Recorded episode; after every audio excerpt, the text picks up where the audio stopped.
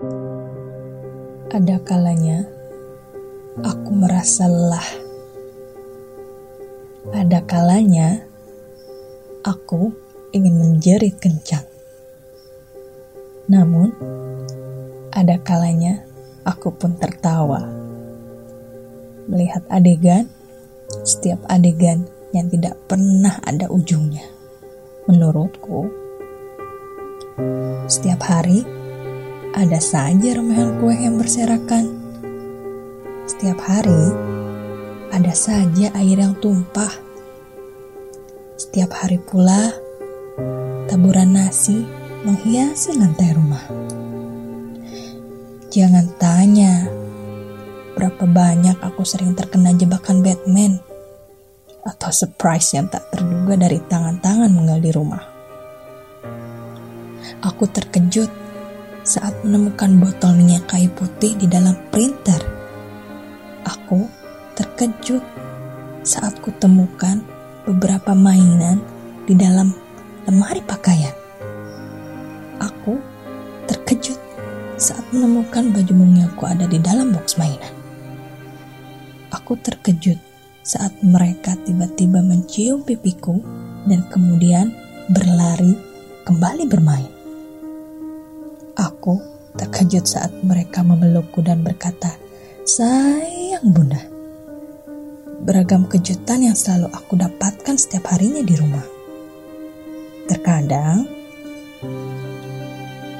syaitan itu sukses menggodaku untuk mengeluarkan api dari dalam diriku dan menyemburkan ke mereka.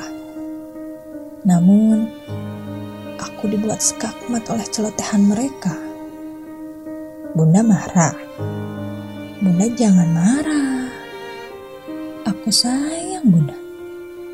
Bunda harus senyum. Pintu maaf mereka untukku sangat luas. Beberapa kali aku marah, para mungilku akan tetap memberikan senyuman kepadaku. Aku malu kepada mereka karena pinta mereka sangat sederhana. Senyuman. Mereka hanya ingin melihat kedua bibir ibunya mengembang lebar untuk mereka. Sederhana sekali, bukan?